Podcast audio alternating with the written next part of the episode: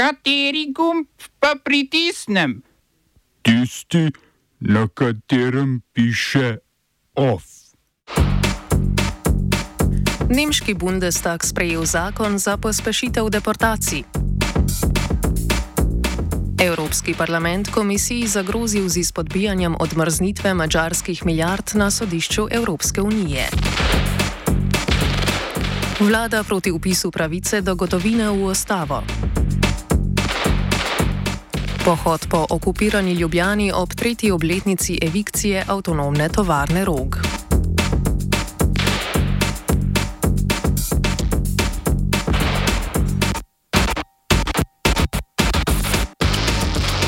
Evropski parlament je sprejel resolucijo, s katero poziva Evropski svet oziroma države članice naj začnejo postopek presoje tega, ali Mačarska krši načela Evropske unije.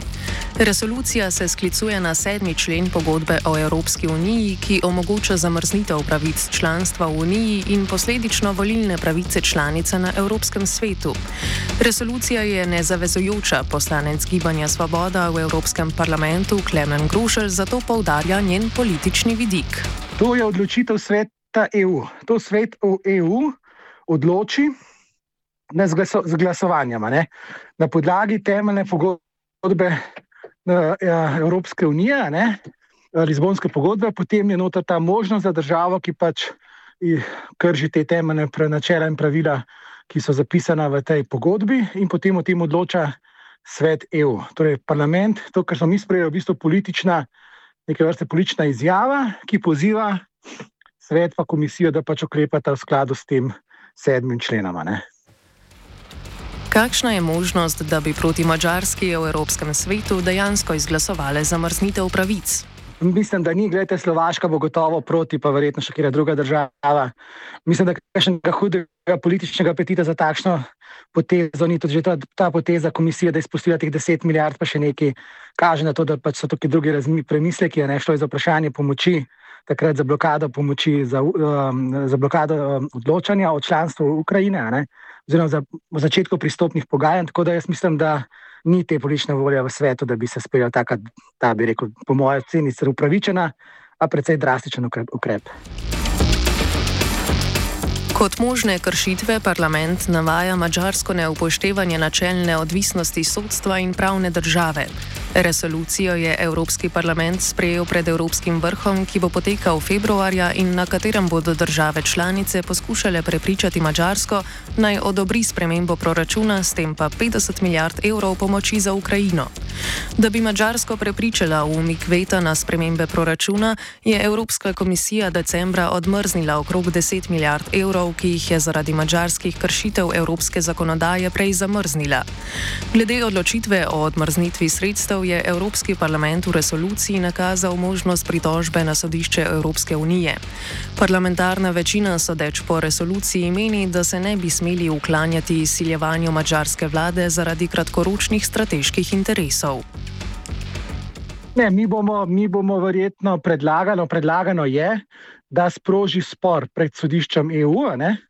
In če potem sodišče EU odloči, da je pač komisija to naredila ne, ne, pač nezakonito, lahko tudi odpravi sklep oziroma odločitev, odločitev komisije. Ampak to bo trajalo sigurno eno leto, tako da če bo do te odločitve seveda prišlo, to, to je pač vprašanje. Ne. Nemški Bundestag je potrdil nov zakon o pospešitvi repatriacij. Vlada želi z zakonom povečati učinkovitost in številčnost deportacij tistih, ki jim organi zavrnejo prošnjo za azil. Po podatkih nemškega notranjega ministrstva so že lani število deportacij glede na leto 2022 povečali za 27 odstotkov. Novi zakon policijska pooblastila razširja s podaljšanjem dovoljene dobe pridržanja osebe pred deportacijo z 10 na 28 dni. Poleg tega policiji tistih, ki jih namerava deportirati, o tem ne bo več treba vnaprej obvestiti. Zakon ukinja tudi enomesečni rok za obvestitev osebe o deportaciji, kar so doslej oblasti morale početi, če je oseba v Nemčiji nepreganjena živela vsaj eno leto. Oblasti dobivajo nove razloge za izgon migrantov. Od tega, da storijo antisemitske zločine, do tega, da v Nemčijo vstopijo s ponarejenimi dokumenti. Če oseba dokumentov nima, ji bodo lahko policisti po črki zakona brskali po telefonu.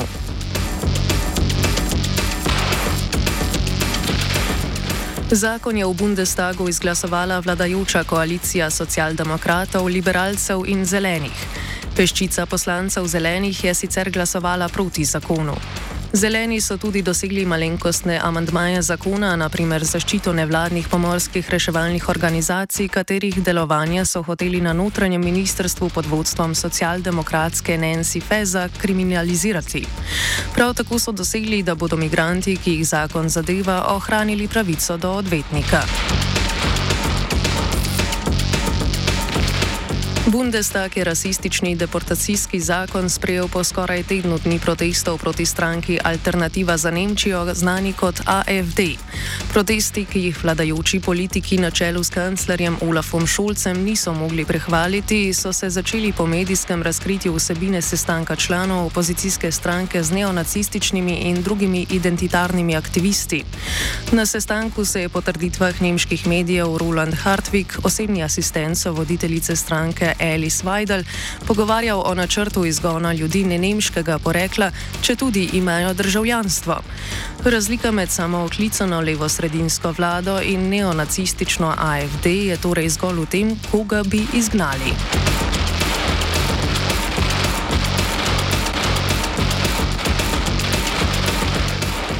Polsko ustavno sodišče je razsodilo, da je likvidacija državnih medijev na podlagi zakona o oddajanju protiustavna. Odločitev je odziv na čistko v javnih medijih, ki jo izvaja nova vlada pod vodstvom Donalda Tuska. Namen vlade je tiskovne agencije ter državne televizije in radija odstraniti kadre, ki jih je med osemletno vladavino namestila desničarska stranka Zakon in pravičnost. Čistko je ustavil predsednik države Andrzej Duda, nekdani član stranke Zakon in pravičnost. Duda je namreč na zakon, ki bi javnim medijem zagotovil dodatno financiranje v višini 700 milijonov evrov, uložil veto. Vladna koalicija pa nima dovolj velike večine v parlamentu, da bi veto lahko preglasovala. Ministrstvo za kulturo je zato poskusilo uporabiti določbo iz 26. člena zakona o oddajanju, ki določa, da je ministrstvo lastnik državnih medijev in začelo s postopkom likvidacije državne televizije ter radija. Ustavno sodišče je hkrati s prepovedjo likvidacije razveljavilo tudi razrešitev direktorjev in upravnih odborov, ki jo je vlada izvršila decembra lani, čež da nasprotujeta drugemu členu polske ustave. Vlada je takoj po odločitvi razsodbo ustavnega sodišča razglasila za nelegitimno, saj si je stranka zakon in pravičnost podredila tudi ustavno sodišče.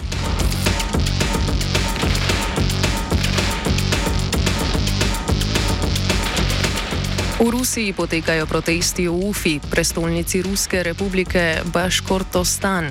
Današnji protest, na katerem se je zbralo okrog 1500 ljudi, je že tretji ta teden. Sprožilo pa jih je sojenje Failu Alsinovu, baškirskemu nacionalističnemu in okoljskemu aktivistu, ki je aprila preteklo leto protestiral proti novim izkoriščanjem naravnih virov. Po protestu je vodja republike Baškortostan Radi Kabirov Alsinova obtožil diskriminacije in podal pritožbo regijskemu tožilstvu, ki je na to sprožilo sodni postopek proti Alsinovu za kaznivo dejanje širjanja nestrpnosti na podlagi etnične pripadnosti. 17. januarja letos je sodišče Alsinova obsodilo na štiri leta zapora. smo se osamosvojili, nismo se pa osvobodili. Da se naštete še 500 projektov. Izpiljene modele, kako so se strani nekdanje LDS rotirali. Ko to dvoje zmešamo v pravilno zmes, dobimo zgodbo o uspehu. Takemu političnemu razvoju se reče udar. Jaz to vem, da je nezakonito, ampak kaj nam pa ostane? Brutalni obračun s politično korupcijo. To je Slovenija, tukaj je naša zemlja! To je Slovenija! Slovenija!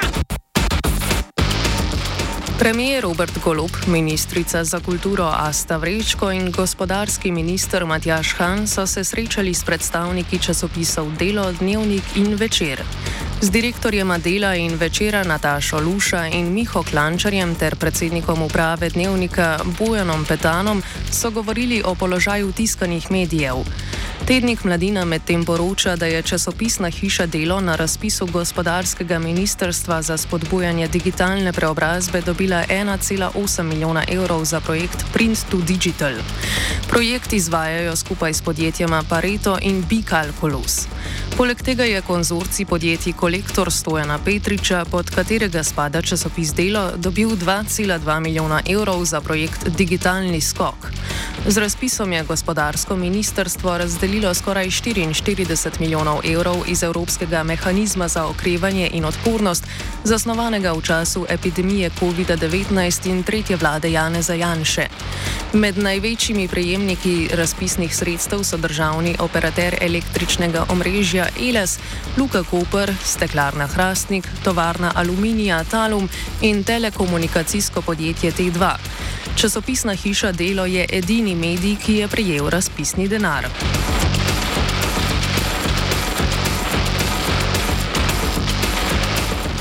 Koalicija neuporabnic centra Rok ob tretji obletnici nasilne evikcije avtonomne tovarne Rok organizira pohod po okupirani Ljubljani.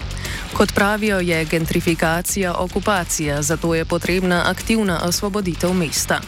Da bi opozorili na nujnost upora gentrifikacijski okupaciji Ljubljane, se bodo danes ob 6. uri od Miklošičevega parka odpravili na pohod po točkah, ki so v zadnjih desetletjih posebej boleče občutile uničujoč udor kapitala. Od Kolizeja do Šumija, Roga in Cukrarne ter ostalih mestnih krajev, ki jih je požrl pohleb bogatih, pravijo v inicijativi.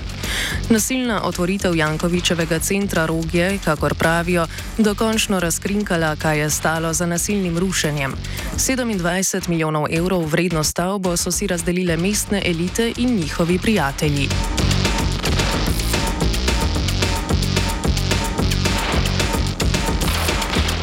Pravosodna ministrica Dominika Švarc-Pipan je zaradi afere dragega nakupa stavbe za namene sodišč na Ljubljanski litijski cesti vladi predlagala razrešitev generalnega sekretarja na ministrstvu Uroša Gojkoviča in premestitev vodje službe za nepremičnine in investicije Simona Starčka.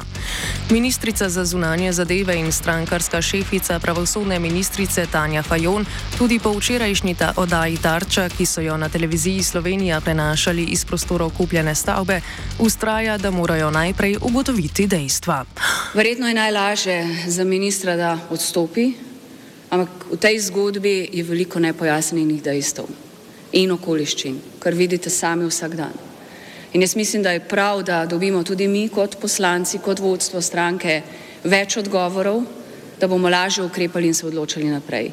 To je bila naša skupna odločitev, smo se veliko pogovarjali, tudi ministrica pojasnjuje, potegnila je določene poteze.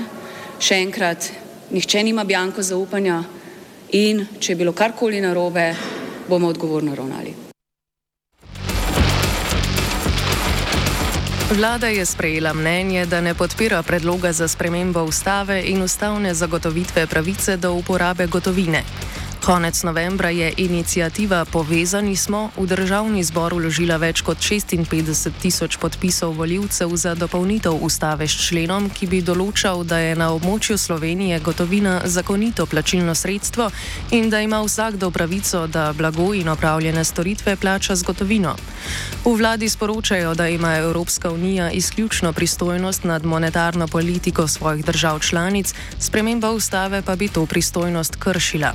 Poleg tega zatrjujejo, da je status gotovine že zadostno urejen, saj tako evropska kot slovenska zakonodaja določata, da so evrski bankovci in kovanci edino zakonito plačilno sredstvo. Sodeč po mnenju vlade se predlogu inicijative v parlamentu ne obeta podpora za začetek postopka sprememba ustave.